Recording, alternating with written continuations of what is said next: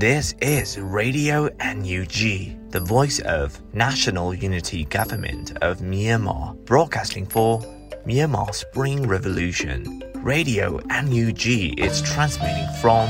shortwave 16 meter 17.79 megahertz at 8:30 a.m. and 25 meter 11.94 megahertz at 8:30 p.m. Myanmar Standard Time. မင်္ဂလာပါခင်ဗျာ အမျိုးသားညီညွတ်ရေးအစိုးရရဲ့အတန်လွင့်ဌာန Radio NUG ကိုမနက်ပိုင်း၈နာရီခွဲမှာလိုင်းတို16မီတာစက္ကန့်တက်သမ9 MHz ညပိုင်း၈နာရီခွဲမှာလိုင်းတို25မီတာ17တက်သမ6 MHz တို့မှာဓာတ်ရိုက်ဖမ်းယူနိုင်နိုင်ပါပြီမင်္ဂလာအပေါင်းနဲ့ပြည့်စုံကြပါစေအခုချိန်ကစပြီး Radio NUG အစီအစဉ်တွေကိုဓာတ်ရိုက်အတန်မြင့်ပေးနေပါပြီ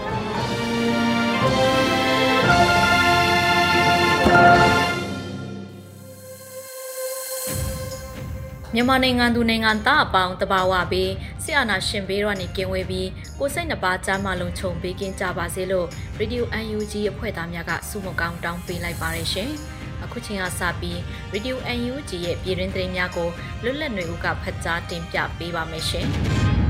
။မင်္ဂလာပါခင်ဗျာ။စက်တင်ဘာလ၄ရက်နေ့ Radio UNG ရဲ့ညပိုင်းပြည်တွင်းသတင်းများကိုစတင်ဖတ်ကြားပါတော့မယ်။ကျွန်တော်ကလွတ်လပ်နေဦးပါ။ ဒီအချိန်မှာမိษาတတိုက်မောင်းထုတ်ရေးပဲအာယုံရှိတယ်လို့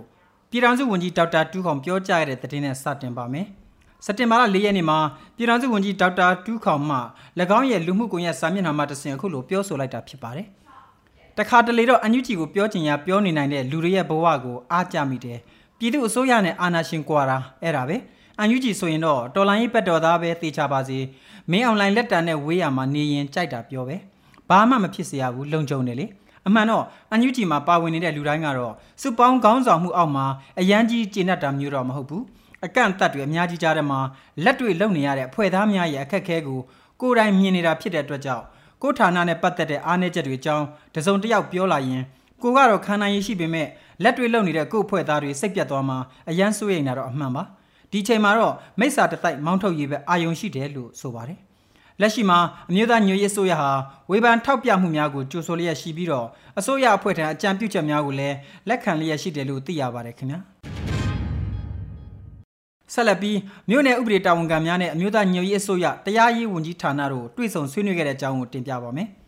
အမျိုးသားညွရေးအစိုးရတရားရေးဝန်ကြီးဌာနတရားစွဲနဲ့အမှုလိုက်ဦးစီးဌာနနဲ့မြို့နယ်ဥပဒေတာဝန်ခံများတွေ့ဆုံဆွေးနွေးခြင်းအစည်းအဝေးအမှတ်စဉ်17မြင်းဆောင်2023အခမ်းအနားကိုစက်တင်ဘာလ2ရက်နေ့မှာကျင်းပခဲ့ကြပါတယ်။ တရားရေးဝန်ကြီးဌာနပြည်ထောင်စုဝန်ကြီးဦးသိန်းဦးကိုစားအမြဲတမ်းအတွင်းဝန်ဒေါ်မေအောင်သူမှအမှားစကားပြောကြားရာတွင်ဥပဒေရုံးများ၏ငွေလုံးငွေရင်ဘတ်ဂျက်ကိစ္စများနဲ့ပတ်သက်လို့မိမိလက်လန်းမိသမျှသာဖြေကြားခဲ့သည်ကိုနားလည်ခွင့်လွှတ်ပေးစေလိုကြောင်းတရားရေးဝန်ကြီးဌာနသည်ဝန်ကြီးဌာန၃ခုရှိတရားသူကြီးများဥပဒေအရာရှိများနဲ့ရှင်းနေရှိရများပေါင်းစပ်ဖွဲ့စည်းထားပြီးလမ်းချင်းတူရဲ့လူချင်းတွေ့ကြသူများဖြစ်ကြပြီးဝန်ခွဲမဟုတ်ပဲတမိတဲ့သားချင်းများဖြစ်သောကြောင့် အားလုံး၏ဘုံရန်သူဖြစ်သောစစ်ကောင်စီကိုစီးလုံးညီညွတ်စွာနဲ့အတူတကွတော်လှန်သွားကြမည်ဖြစ်ကြောင်းမြေပြင်ရှိဥပဒေတာဝန်ခံများအနေဖြင့်မိမိတို့ရဲ့အခက်အခဲများကိုရင်ဖွင့်၍ပွင့်ပွင့်လင်းလင်းပြောကြားပြီးသည့်အတွက်ကျေးဇူးတင်ကြောင်းပြောဆိုခဲ့ပါတယ်။အဆိုပါခန္ဓာကိုတရားရေးဝန်ကြီးဌာနအမြဲတမ်းတွန်းဝင်ဒေါ်မေအောင်သူတရားဥပဒေစိုးမိုးရေးနဲ့အသွင်ကူးပြောင်းရေးကာလတရားမျှတမှုဆိုင်ရာဦးစီးဌာနညွှန်ကြားရေးမှူးချုပ်ဦးတင်ထွန်းသိန်း တာဝန်ရှိဝန်ထမ်းများမြေပြင်ဆက်သွယ်ရေးတာဝန်ခံများနဲ့မြို့နယ်19မြို့နယ်မှာဥပဒေတာဝန်ခံ22ဦးတို့လည်းတက်ရောက်ခဲ့ကြတယ်လို့သိရှိရပါတယ်ခင်ဗျာဆက်လက်ပြီးစစ်အုပ်စုဟာ technology ရဲ့အရေးပါမှုကိုနားမလည်ဘူးလို့ပြည်ထောင်စုဝန်ကြီးဦးထင်လင်းအောင်ပြောကြားခဲ့တဲ့သတင်းကိုတင်ပြပါမယ် စက်တင်ဘာလ၄ရက်နေ့မှာဆက်သွယ်ရေးသတင်းအချက်အလက်နဲ့ဤတင်ရဝန်ကြီးဌာနပြည်ထောင်စုဝန်ကြီးဦးထင်လင်းအောင်မှ၎င်းရဲ့လူမှုကွန်ရက်စာမျက်နှာမှာအခုလိုပြောကြားခဲ့တာဖြစ်ပါတယ်။နယ်လဘိန်းတုံးတွေနားမလဲတာက technology ရဲ့အရေးပါမှုလို့ဆိုထားပါတယ်။စက်တင်ဘာလ3ရက်နေ့ည9နာရီခန့်ကမြဝတီရဲစခန်းနဲ့ခရိုင်အုပ်ချုပ်ရေးမှူးရုံး drone နဲ့60မမဘုံဒီများဘုံကျဲတိုက်ခတ်ခံရပြီးနောက်မြဝတီခရိုင်အုပ်ချုပ်ရေးမှူးဦးစိုးတင် PSO ထွေအုပ်ဦးစီးဦးထွန်းထွန်းငိမ့်ပြည့်ဖြူအောင်ရင်ထိန်တူရဲမှုနေလင်းစိုးတို့အပါအဝင် နောက်ထပ်တဦးသေဆုံးခဲ့က12ဦးအပြင်းထန်ထိခိုက်ဒဏ်ရာရသွားပါတယ်။မြို့သားညရေးဆိုရကာကွယ်ရေးဝန်ကြီးဌာနကသတင်းထုတ်ပြန်ထားရတွင်တော်လိုင်းရမုံငွေများကိုစုစည်းကတိုင်းနယ်ပြည်နယ်အသီးသီးသို့ drone စင်းရီ400ကျော်ဖြန့်ကျက်ပို့ဆောင်ထားပြီး drone များသည်ရှေ့တန်းစစ်မြေပြင်များတွင် ထောက်လန်းရေးတိုက်ခိုက်ရေးနှင့်ဝါဒဖြန့်ချီရေးတာဝန်များကိုရဲရဲဝံ့ဝံ့တာဝန်ထမ်းဆောင်နေကြပြီဖြစ်တယ်လို့ဆိုထားပါတယ်ခင်ဗျာ။ ဆက်လက်ပြီးနွေဦးတော်လိုင်းအောင်ပွဲစီသွားမဲ့လမ်းမထက်မှာခရီးပြင်းနှင်နေပြီလို့ဒုတိယဝန်ကြီးဦးမော်ထွန်းအောင်ပြောကြားတဲ့အကြောင်းကိုတင်ပြပါဦးမယ်။စက်တင်ဘာလ၄ရက်နေ့မှာဒုတိယဝန်ကြီးဦးမော်ထွန်းအောင်မှအခုလိုပြောကြားလိုက်တာဖြစ်ပါတယ်။မြေပြင်မှာသိတာတဲ့အောင်ပွဲတချို့ရလာတော့ဝန်တာတယ်။ အဲ့ဒီဝန်တာရာနဲ့အတူပြောပြချင်တာကဒီလို drone တွေနဲ့မြေပြင်စခန်းသိမ်းလုံနိုင်တာတွေဟာမနစ်တနေ့ကလှုပ်လို့ဖြစ်လာတာမဟုတ်ပါဘူးရေတောက်မြစ်ကစီရီယန်ចောင်းသားတွေဆရာတွေ2021မှာတော်လိုင်းကြီးတဲ့ပါဝင်လာပြီးလက်နက်ကင်တော်လိုင်းကြီးလောက်ကြမယ်ဆိုပြီးလိုင်းကြကလေးကစခဲ့တဲ့မျိုးစေ့တွေအပင်ပေါက်လာတာဖြစ်ပါတယ်အောင်ပွဲနီးပြီလို့သုံးသပ်မဲ့အချက်လက်ကျွန်တော်မှမရှိလို့ဘယ်အချိန်လဲဆိုတာမပြောနိုင်ပေမဲ့အောင်ပွဲစီသွားမဲ့လမ်းမထက်မှာခရီးပြင်းနှင်းနေပြီဆိုတာခံစားရကြောင်းပြောလိုပါတယ်လို့ဆိုပါတယ်။ မြေပြင်စစ်ရေးအောင်နိုင်မှုများဟာကလစ်ခဲ့သူတွေဘုံဝဲမြေဝဲမဲဝဲတပိတ်မှောက်ထီထိုးတော်လန်ပြည်သူအလုံးရဲ့ပါဝင်မှုတွေဖြစ်တယ်လို့လည်းဆိုပါတယ်အမှတ်1စစ်ဒေသစကိုင်းတိုင်းမကွေးတိုင်းမန္တလေးတိုင်းရှမ်းပြည်နယ်မြောက်ပိုင်းတို့မှာ2023ခုနှစ်ဇွန်လအတွင်းတိုက်ပွဲပေါင်း439ကြိမ်ဖြစ်ပွားခဲ့ပြီးရန်သူ400ဦးသေဆုံး၍984ဦးထိခိုက်ဒဏ်ရာရရှိခဲ့ပါတယ်ခင်ဗျာ နိုင်ငံတကာကစစ်ကောင်စီပေါ်အရေးယူပိတ်ဆို့မှုတွေရှိလာတဲ့အခါမှာဗန်ဒါရေးစစ်မျက်နှာကိုလည်းနာနာဖိတိုက်နိုင်ရမယ်လို့ဦးမင်းကိုနိုင်ဆိုခဲ့တဲ့အကြောင်းကိုတင်ပြပါဦးမယ်။စက်တင်ဘာလ3ရက်နေ့မှာကျင်းပတဲ့ Tinzi Project အခမ်းအနားမှာ88မျိုးဆက်ចောင်းသားကောင်းဆောင်ဦးမင်းကိုနိုင်မှတော်လိုင်းရေးနဲ့ပတ်သက်လို့အခုလိုပြောခဲ့တာဖြစ်ပါတယ်။နိုင်ငံတကာကစစ်ကောင်စီပေါ်အရေးယူပိတ်ဆို့မှုတွေရှိလာတဲ့အခါမှာဗန်ဒါရေးစစ်မျက်နှာကိုလည်းနာနာဖိတိုက်နိုင်ရမယ်။ဒီလောက်အရေးကြီးနေတဲ့အချိန်မှာစစ်မျက်နှာ၄ခုလုံးမှာပြည်သူတွေပါဝင်ကြမယ်ဘယ်လိုနည်းနဲ့ပါဝင်မလဲဆိုရင်ဗန္ဒာရေးမှာ တော်လိုင်းရေးဘက်ကိုအိတ်ဖောင်းအောင်လုပ်တယ်လို့ဖက်စစ်တပ်ကိုဝင်ငွေပြားချက်အောင်သွေးစွန်းငွေဖြတ်တောက်ရအောင်လုပ်ကြရမယ်လို့ဆိုပါတယ်လက်ရှိမှာဗန္ဒာရေးတိုက်ပွဲအနေနဲ့စစ်တပ်ထုတ်ကုန်များဖြစ်တဲ့မြန်မာဘီယာအက်ဒမန်ဒစိတ်အက်ဒမန်ဂိုးအရက်ဘီယာအချိုရည်ဒဂုံဒစိတ်အရက်ဘီယာအချိုရည် Black Sheep Stock ဘီယာမန္တလေးဘီယာမန္တလေး Ram Army Ram Red Ruby Secret Premium Go Secret တို့ကိုလူထုကဝယ်ယူသုံးစွဲခြင်းမပြုဖို့တိုက်တွန်းထားပါတယ်ခင်ဗျာ CNO CNDF တပ်မဟာ1အခြေခံစစ်တင်တဲ့အပတ်စဉ်3တင်နန်းစင်ပွဲကျင်းပခဲ့တဲ့အကြောင်းကိုတင်ပြပါဦးမယ်။ချင်းမြို့သားကာကွယ်ရေးတပ်ဖွဲ့ CNO CNDF ထိန်းချုပ်နေမြေတပ်မဟာ1မှာအခြေခံစစ်တင်တဲ့အပတ်စဉ်3တင်တန်းအောင်မြင်စွာပြီးဆုံးသဖြင့်တင်နန်းစင်ပွဲကျင်းပခဲ့ကြောင်းစက်တင်ဘာလ3ရက်နေ့မှာတပ်မဟာ1ကသတင်းထုတ်ပြန်ပါတယ်။၎င်းစစ်တင်တန်းကိုတပ်မဟာ1ရှိ NA Camp တွင်ကျင်းပပြုလုပ်ပြီးသင်တန်းတက်ရောက်သူ19ယောက်ရှိကြောင်းသိရပါတယ်ခင်ဗျာ တော်တာရှင်များခင်ဗျာယခုတင်ပြခဲ့တဲ့သတင်းတွေကို Radio UNG သတင်းတောက်မင်းတီဟန်ကပေးပို့ထားတာဖြစ်ပါတယ်ခင်ဗျာမြမဆန်တင်ပို့မှုကာလတူတင်ပို့မှုထက်တန်ချိန်9သိန်းကျော်လျော့နေနေပြီးဆန်ကရတဲ့ဝင်ငွေကလည်းတန်း130ကျော်လျော့နေလာတဲ့အကြောင်းကိုတင်ပြပါမယ်ဆန်လက်ကျန်အလုံးလောက်ရှိတယ်လို့ဆန်သင်းတွေကထုတ်ပြန်ထားပေမဲ့ပြည်တွင်းဆန်ရောင်းဝယ်ရေးလုပ်ငန်းတွေကိုစစ်တပ်ကထိန်းချုပ်လာတယ်လို့ပြည်ပဆန်တင်ပို့မှုမှာလည်းရော့ကျလာနေတာဖြစ်ပါတယ်။ဆန်တင်ပို့မှုက9လတာတွင်မနှစ်က ကာလတူတင်ပို့မှုထက်တန်ချိန်အဖြစ်9သိန်း1609တန်ရော့နေနေတယ်လို့ဝင်ငွေအဖြစ်လဲအမေရိကန်ဒေါ်လာ136တန်ရော့နေနေတာဖြစ်ပါတယ်။ပြည်တွင်းစားသုံးမှုများတဲ့ရွှေဘူပေါ်ဆန်းအေယာဝတီပေါ်ဆန်းတောင်ပြန်စတဲ့ဆန်မျိုးစားတွေကိုကြက်တသိန်းကနေတသိန်း2500ထက်ပိုမယောင်းဖို့နဲ့အဲ့မထအုပ်စုဆန်တွေကိုကြက်9200ထက်ပိုမယောင်းဖို့ထုတ်ပြန်ထားပါတယ်။ဆန်စည်းကွက်ကိုချုပ်ကင်ထားသလိုပြည်တွင်းစားသုံးမှုတိုးလောင်လက်ကျန်တဲ့ ပြည်ပတင်ပို့မှုပမာဏတွေကိုသိရှိဖို့အတွက်လဲသက်ဆိုင်ရာဆန်ဆက်တွေစံတူလောင်သူတွေကိုဥပဒေအရဆန်စည်းရင်းတွေပေးပို့နိုင်အောင်စံစဘာဥပဒေကိုပြဋ္ဌာန်းသွားဖို့ဆောင်ရွက်နေကြပါတယ်။တနိုင်ငံလုံးရဲ့စဘာစိုက်ဧကကမိုးရာသီမှာ15တန်း၊နွေရာသီမှာ2တန်းရှိပေမဲ့ပြည်သူ့ကာကွယ်ရေးတပ်တွေစိုးမိုးထားတဲ့ဒေသတွေမှာစိုက်ပျိုးနည်းပညာပေးလုပ်ငန်းတွေကိုဆောင်ရွက်နိုင်တာမရှိသလိုစံစဘာထွက်ရှိမှုစည်းရင်းကိုလည်းစစ်တပ်ကရယူနိုင်တာမရှိပါဘူး။ဒါကြောင့်အဲ့ဒီဒေသအတွင်းကဆန်ဆက်တွေနဲ့ တူလောင်သူတွေစီရောက်ရှိလာတဲ့ဆန်စပါးတွေရဲ့ပမာဏတွေကိုသိရှိရဖို့ဆန်တူလောင်ခွင့်မှတ်ပုံတင်လုပ်ငန်းကိုဥပဒေပြဋ္ဌာန်းပြီးအတင်းအကျပ်ဆောင်ရွက်လာတာပဲဖြစ်ပါတယ်။မကြာခင်လပိုင်းမှာစပားသစ်တွေပေါ်ထွက်လာမှာဖြစ်ပြီးထွက်ရှိလာတဲ့စပားပေါ်မူတည်ပြီးစံတင်ပို့ခွင့်လုပ်ငန်းကိုပြန်လည်ခွင့်ပြုပေးဖို့ပြင်ဆင်နေတာဖြစ်ပါတယ်။မြမဆန်တင်ပို့မှုကမျှော်မှန်းထားသလိုတန်ကျဲ2.5သန်းနဲ့ဆန်ကရတဲ့ဝင်ငွေကအမေရိကန်ဒေါ်လာ1ဘီလီယံအထိရနိုင်မလားဆိုတာစောင့်ကြည့်ရမှာဖြစ်ပါတယ်။ စံတင်ပို့တဲ့လုပ်ငန်းကမျှော်မှန်းသလိုတင်ပို့နိုင်တာမရှိဘဲတင်ပို့မှုဟာကြာဆင်းတဲ့ထက်ကြာဆင်းလာမယ်ဆိုရင်တော့စစ်တပ်ရဲ့ဖျက်ဆီးမှုအောက်မှာမြမလေယာလုပ်ငန်းဟာမကြုံဘူးလောက်တဲ့ထိခိုက်ပျက်စီးမှုတွေနဲ့ရင်ဆိုင်လာရပွဲရှိနေပါတယ်။အခုတင်ပြခဲ့တဲ့စိုက်ပျိုးစည်းပွားသတင်းကတော့ Radio UNG သတင်းတာမတ်ကြီးမုံပေးပို့တာဖြစ်ပါတယ်ခင်ဗျာ။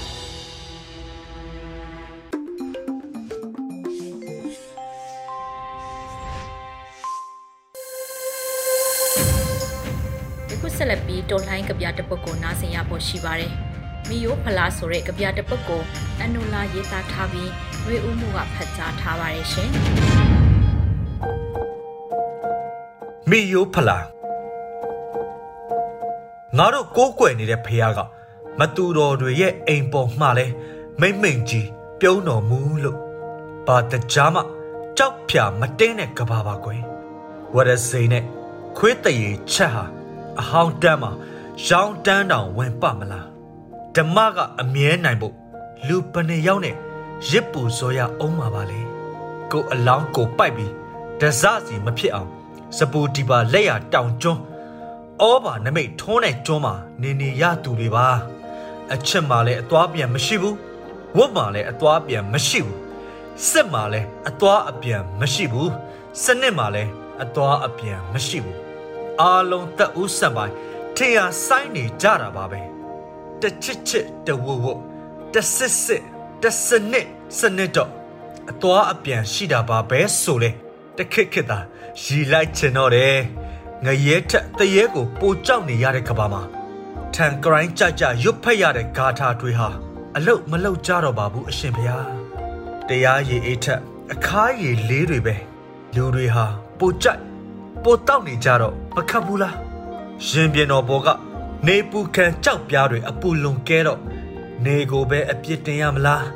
နေမိတဲ့ခြေတောက်တွေကိုပဲအပြစ်တင်ရမလားဖြေပေးပါဦးမိယိုဖလားအန်နို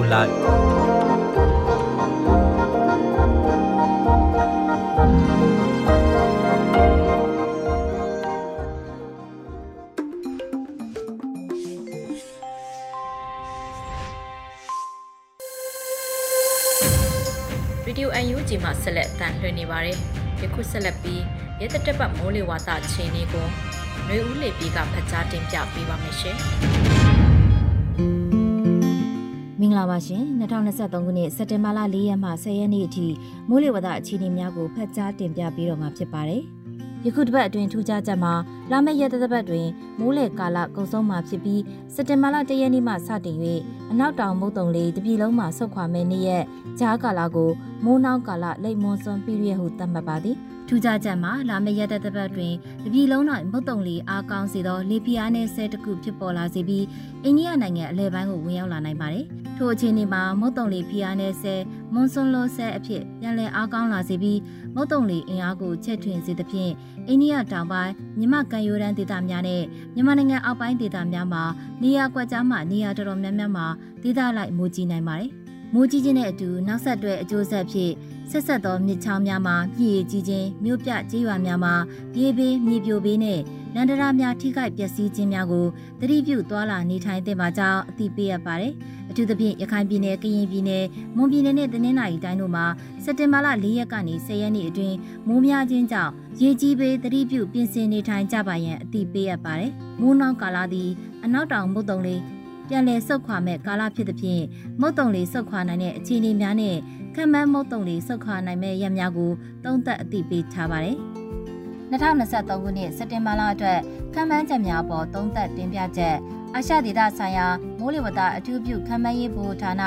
RSMC ရဲ့ထုတ်ပြန်ချက်မှာမုတ်တုံမိုးရရှိနိုင်မှုနဲ့မုတ်တုံလေဆုတ်ခွာနိုင်မှုမှာပုံမှန်ခန့်သာရှိနိုင်ပြီးအိန္ဒိယမြောက်ပိုင်း ဘင်္ဂလားဒေ့ရှ်မြောက်ပိုင်းနဲ့မြန်မာနိုင်ငံမြောက်ပိုင်းတို့တွင်သာရွာသွန်းမြင့်အောင်ရော့နိုင်ခြေရှိပါကြောင်းခန့်မှန်းထားပါတယ်။ဒီအချက်များမှာသုံးသပ်နိုင်ဒီမှာအနောက်တောင်မုတ်တုံလေဟာအာရှတိုက်ပေါ်မှာပုံမှန်ဆုတ်ခွာနေကြရက်အပိုင်းခြားများတွင်သာသက်ဆိုင်ရာနေမြေဒေသအသီးသီးမှဆုတ်ခွာနိုင်ခြေရှိပါသည်ဟုရည်ညွှန်းထားပါတယ်။ပုံမှန်အားဖြင့်အနောက်တောင်မုတ်တုံလေးဆုတ်ခွာမှုအခြေအနေမှာအိန္ဒိယနောက်မြောက်ပိုင်းမှစက်တင်ဘာလ18ရက်နေ့မှာစတင်ဆုတ်ခွာပြီးအိန္ဒိယနိုင်ငံအလယ်ပိုင်းမှအောက်တိုဘာလ9ရက်ဝန်းကျင်မှာဆုတ်ခွာလေးရှိကြပါတယ်။ အိန္ဒိယနိုင်ငံတောင်ပိုင်းမှာအောက်တိုဘာလ15ရက်ဝန်းကျင်မှာဆုတ်ခွာနိုင်ကြောင်း230ပြည့်မြတ်တွက်ချက်ထားပါတယ်။အလားတူအဆိုပါတွက်ချက်မှုများအရမြန်မာနိုင်ငံမှာပုံမှန်အနောက်တောင်မုတ်တုံလေးဆုတ်ခွာရန်များမှာ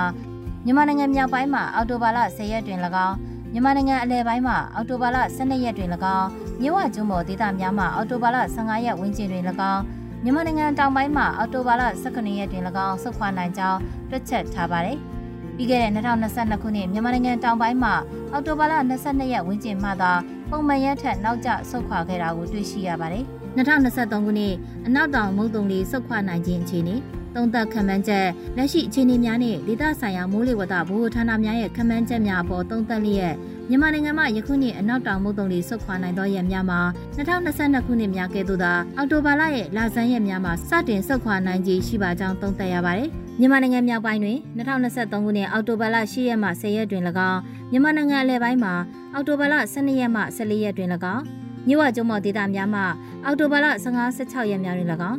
မြန်မာနိုင်ငံတောင်ပိုင်းတပြည်လုံးမှာအော်တိုဘာလ18-18ရက်တွင်၎င်းအသီးသီးစုတ်ခွာနိုင်ခြေရှိပါကြောင်းအသိပေးရပါတယ်။စက်တင်ဘာလ၄ရက်နေ့အတွက်ခံမှန်းချက်များမှာတော့မြန်မာနိုင်ငံအထက်ပိုင်းနဲ့အလယ်ပိုင်းတို့မှာတောင်အရှိတောင်လေများတိုက်ခတ်နိုင်ပြီး တောင်ပိုင်းမှာအနောက်လေများတိုက်ခတ်နေနိုင်ပါတယ်။နှွေမုတ်တုံအခြေအနေမှာဘင်္ဂလားပင်လယ်အော်တောင်ပိုင်းနဲ့ကပလီပင်လယ်ပြင်တို့မှာမုတ်တုံလေအားကောင်းလာနိုင်ပြီးကြံဘင်္ဂလားပင်လယ်အော်မှာမုတ်တုံလေအားအသင့်အသင့်ရှိနေနိုင်ပါတယ်။ဘင်္ဂလားပင်လယ်အော်မြောက်ပိုင်းမှာလေပြင်းအားနဲ့ဆဲတကူဆက်လက်တည်ရှိနေပြီးအားကောင်းလာနိုင်ပါတယ်။မိုးအခြေအနေမှာတော့ချင်းပြည်နယ်ရခိုင်ပြည်နယ်ကရင်ပြည်နယ်မွန်ပြည်နယ်နဲ့တနင်္လာရီတိုင်းတို့မှာနေရာအနှံပြား မန္တလေးတိုင်းနေပြည်တော်မကွေးတိုင်းအေရရီတိုင်းရန်ကုန်တိုင်းနဲ့ပဲခူးတိုင်းတို့မှာနေရာစိတ်စိတ်နဲ့ကြံဒေသများမှာနေရာကျဲကျဲနေရာကွက်ကြားမိုးထစ်ချုံရွာနိုင်ပါတယ်။မွန်ပြည်နယ်နဲ့တနင်္လာရီတိုင်းတို့မှာဒေသအလိုက်မိုးကြီးနိုင်ပါတယ်။ရေဘေးမြေပြိုဘေးများကိုလည်းအလေးထားနိုင်ပါရဲ့သတိပေးရပါတယ်ရှင်။ရခိုင်ကမ်းရိုးတန်းဘက်မှာအနောက်တောင်ဘက်မှလေဟာတနအီ9မိုင်မှ10မိုင်ခန့်တက်ခတ်နိုင်ပြီးလှိုင်းအသင့်အင့်ရှိနိုင်ပါတယ်။မုဒ္ဓမကွေးနဲ့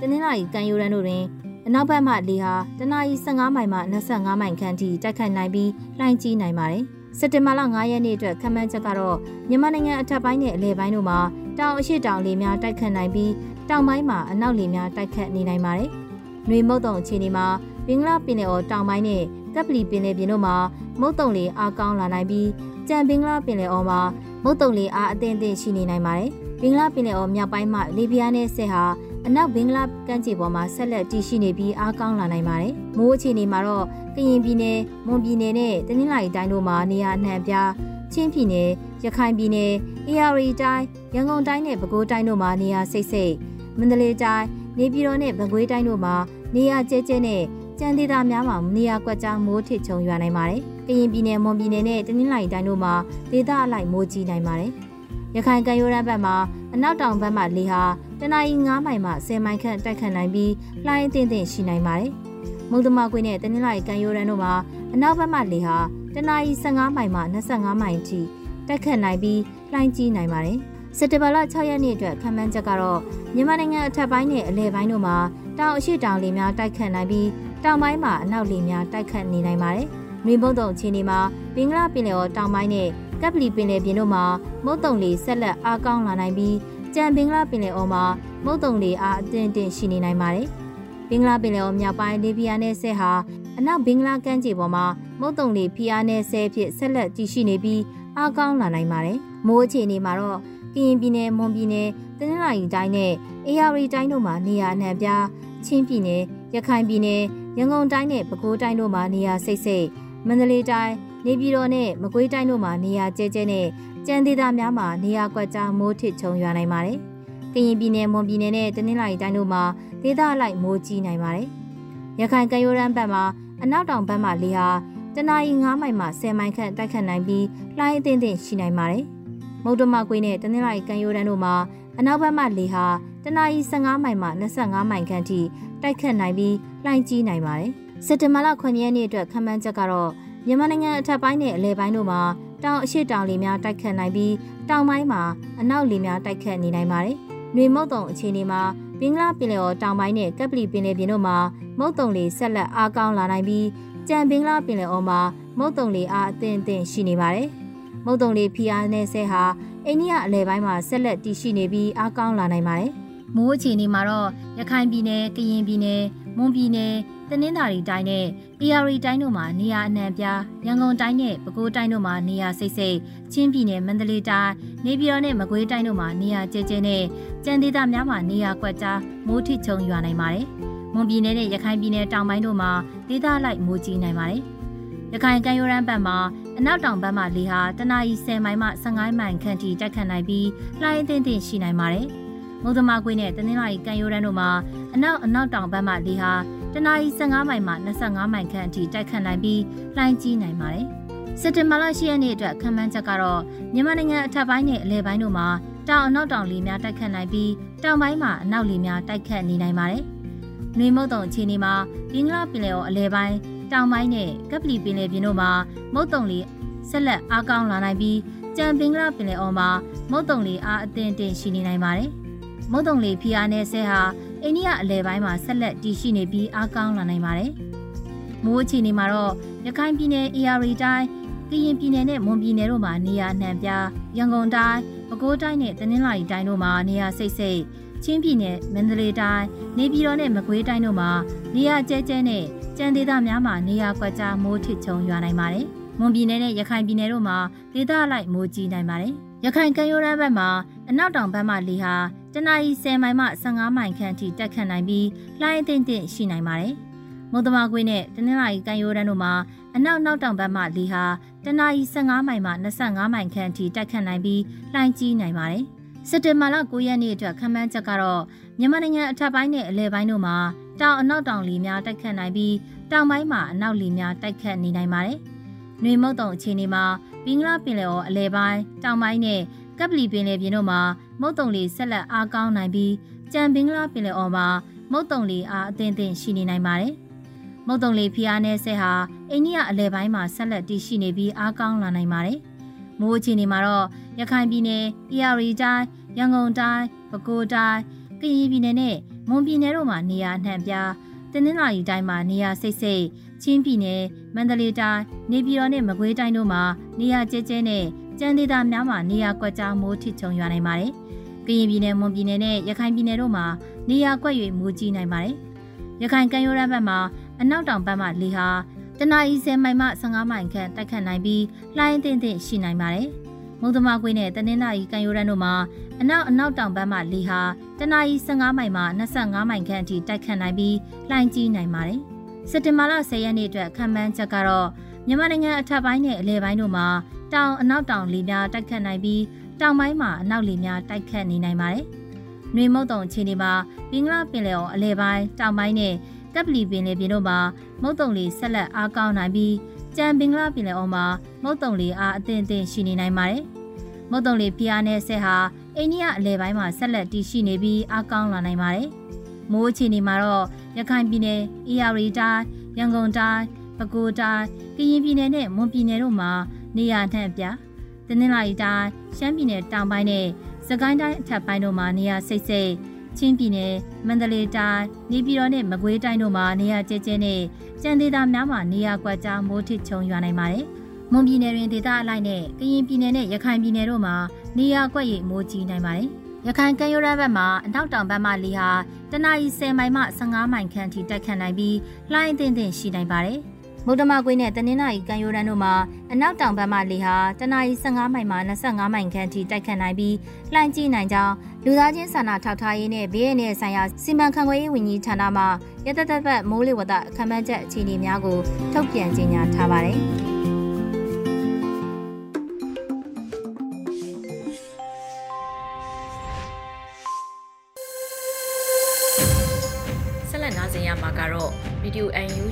UNG ရဲ့ဒိုင်းသားဘာသာစကားထုတ်လွှင့်မှုအစီအစဉ်ကနေစကောခရင်ဘာသာဖြင့်တပတ်တွင်သတင်းများကိုနော်နွေဦးပွင့်ကဖတ်ကြားတင်ပြပေးသွားပါမယ်ရှင်။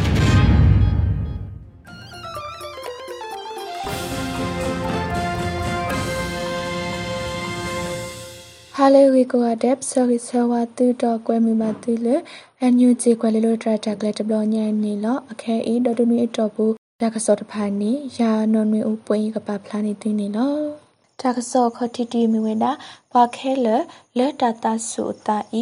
we ta ma lo te kwi pi yo tu hi ni su ta so ta ka mo ta phu yi we ko kle de so ta lo tu wa la shi la te we ta ga ni lo ရေဥတာပဆွေဤပကုကလူတဘူတဘကလကလပဖို့တာမဝဲတာဝီလောတာတဖလခောပခဲလတာတဆုအတာဤမေဝဲတာမလောတေကွီပယောတုတဖူဤ ဟိနေစုတာစုတာကမောအဝေနေဖဲလာစက်တမ်ဘာခိတောနီတာမဝဲနူတာပဆတာပပိုခောပရတေဝဒာနီလောသူဟိနေစုတာစုတာကမောတဖူဤဒီတိုအဝဲတဲ့အတာစုတာကမောကကကလဝဲဆုညာအောကူအကူတောတာကလုကလုမာနမပေပကောပုတဖာမအမတောတာတကာဒီပါသူဝဲကလဲကလူကလူတော့မာတဘီဘူတာအေကောကလတဆုတလောတဲဝဲတာနီလောဒေါ်လာကွန်ပရတဘလီပူနေ ဘာတာမဝဲတာဖဲကောကြတဲ့ထီကောမဲဆောဝေတော့တောခတရာဥဝယမတောခတရာမင်းတုံညာတော့တပဖိုကလူပဖိုခိုနာတကရဂရုတဖာဟေထဝေဒါဂိနေပတုန်နေပါတကစောနီလောတကစောခီယူတီမီဝေဒါတမူလာမေဒီတတိုနေလဲတာပဖိုမတကိုတာပူလဲတာနာဘဟိုတာကောတာခဲတဖာကလေးခေါပလိုနေဝဲရေကောဆပ်ဖို့ကိုတုကလတဲဝဲတာဂိနီလောအန်ယူဂျီပဒို မာဝဲပဒုကရတာအပုခိစီခွီပနုဒရာခိကထုခိစီတပုကောဇပုကိုတုကလမဝခန်တန်နေ တမူလာမီအိုဒီတတိုနေလေတပပမတကိုတာပူလေတနာဘဟုတကောတာခဲတဖာကလေးခေါပလိုနေဝဲအေတဲဝဲအတုတပစကရတဖာကပအိုဒတာဥတာဖိုအေထနုတဲဝဲဒါနီလောစကတော်ခဲဤတတော်တကိုတိုဝဲကလိုနေပါခာတပဖလာတကမတဖာဒီတိုကမရှဲနေဝဲအောတူထဝဲကမီတီဝီမရှဲနေဝဲဒါတာဂီတကလိုတဖာအေနေပတုနေပါတာစောနေလော တက္ကဆဆုမညာတီမီဝဲတာကောကြတဲ့ထီကောချုံပူလီကောရေလာယံဝေတတူထောဘောထောတာဖိတာမလောပူအမိုယူပမတာဖိုလူစီတကအောတဖိတာမအတကောတာခဲတဖာလဲထိုးမဖိုနေဝဲတာရနီလောကောကြတဲ့ထီကောချုံပူလီကောရေလာယံဝေတတူထောဘောထောတာဖိတာမလောပူအမိုယူပမတာဖိုလူစီတကနေတလောပါတာမလောပွဲတတိုးနေလာလောပွဲ passport တော့ work permit တဖာဘာတာဟိနီတီခါအောတနော်နော်အိုဘွေတတော်ဒေါ်လကီတနီတမကစားတဖာဒဒလောတမအေဒေါ်ဒီလီစေပနောပူတတူတဘလတဖာတဘလိုတာဟိုဒီတိုတဘလောပါစာကိုအိုဝဟခိတာမဆွနီလောဘာထွဲတာဂီတဖာအီအန်ယူချီပဒိုပမတာဖိုကိုတိုဝဲကလိုတော့ကိုယမီတော့ခိုရမဲဝဲ MHAC ကရနီဘာထွဲ agency တဖာအိုပလာဆဲလိုတာဝီပမတာဖိုလူစီတကအောကတကောတခဲတဖာဒုမဖို့နိဝဲတာအဂိနီပဒုနိဘာတာစောနီလောတကစောလခိတတိမြဝဲတာကော့ဂရိတ်ကောဆာယတေကွန်ကြောက်ဆဲကပပယောတူတူမြခိစီခိအဖောလာဒါမဆုမဆောကရအိုတလဲတီလဒရုန်းတော့ပါတီဝဲရကတာငင်းနီလော ကော့ဂရိတ်ကောဆာရွာတေကုံကြောက်ဆဲကပါပီယတူတူမခိစီခေဖောလာတမဆုမဆုကရတဖာအိုတလဲတေလောဝဲဒရုန်းတော့ပါတီဝဲရကအကေဖဲလာစက်တမ်ဘာတတော်နီတုတာကစောပူချာပြူတုကလိုပါဂတဲဝဒနီနော် လာကုခိစီခွီတော်နီနေကော့ဂရိတ်ကောဆာရွာတေကောကြောက်ဆဲကပဘီယောတူတူမခိစီခိဖောလာတမဆုမဆုကရတဖာအိုချာပြူတုကလို www သူဖာဒေ southern acre pdf ကြာဖြူသူဖာဒေလူကြာဖြူသူဖာဒေရ justice soldier pdf တေတဖာနေလောအဝတ်တေ drone လက်တေလောဝဲ drone တော့ပယောသူတီဝဲရကအေပဒုန်နေပါတာစောနေလော တာကစောလေးပါဖလာနေတီဝဒဖိနေလောဘာလဒုကနာပါကွဲလို့တာကစောကိုရတဲ့မတုပါမထောပုံနေတကေ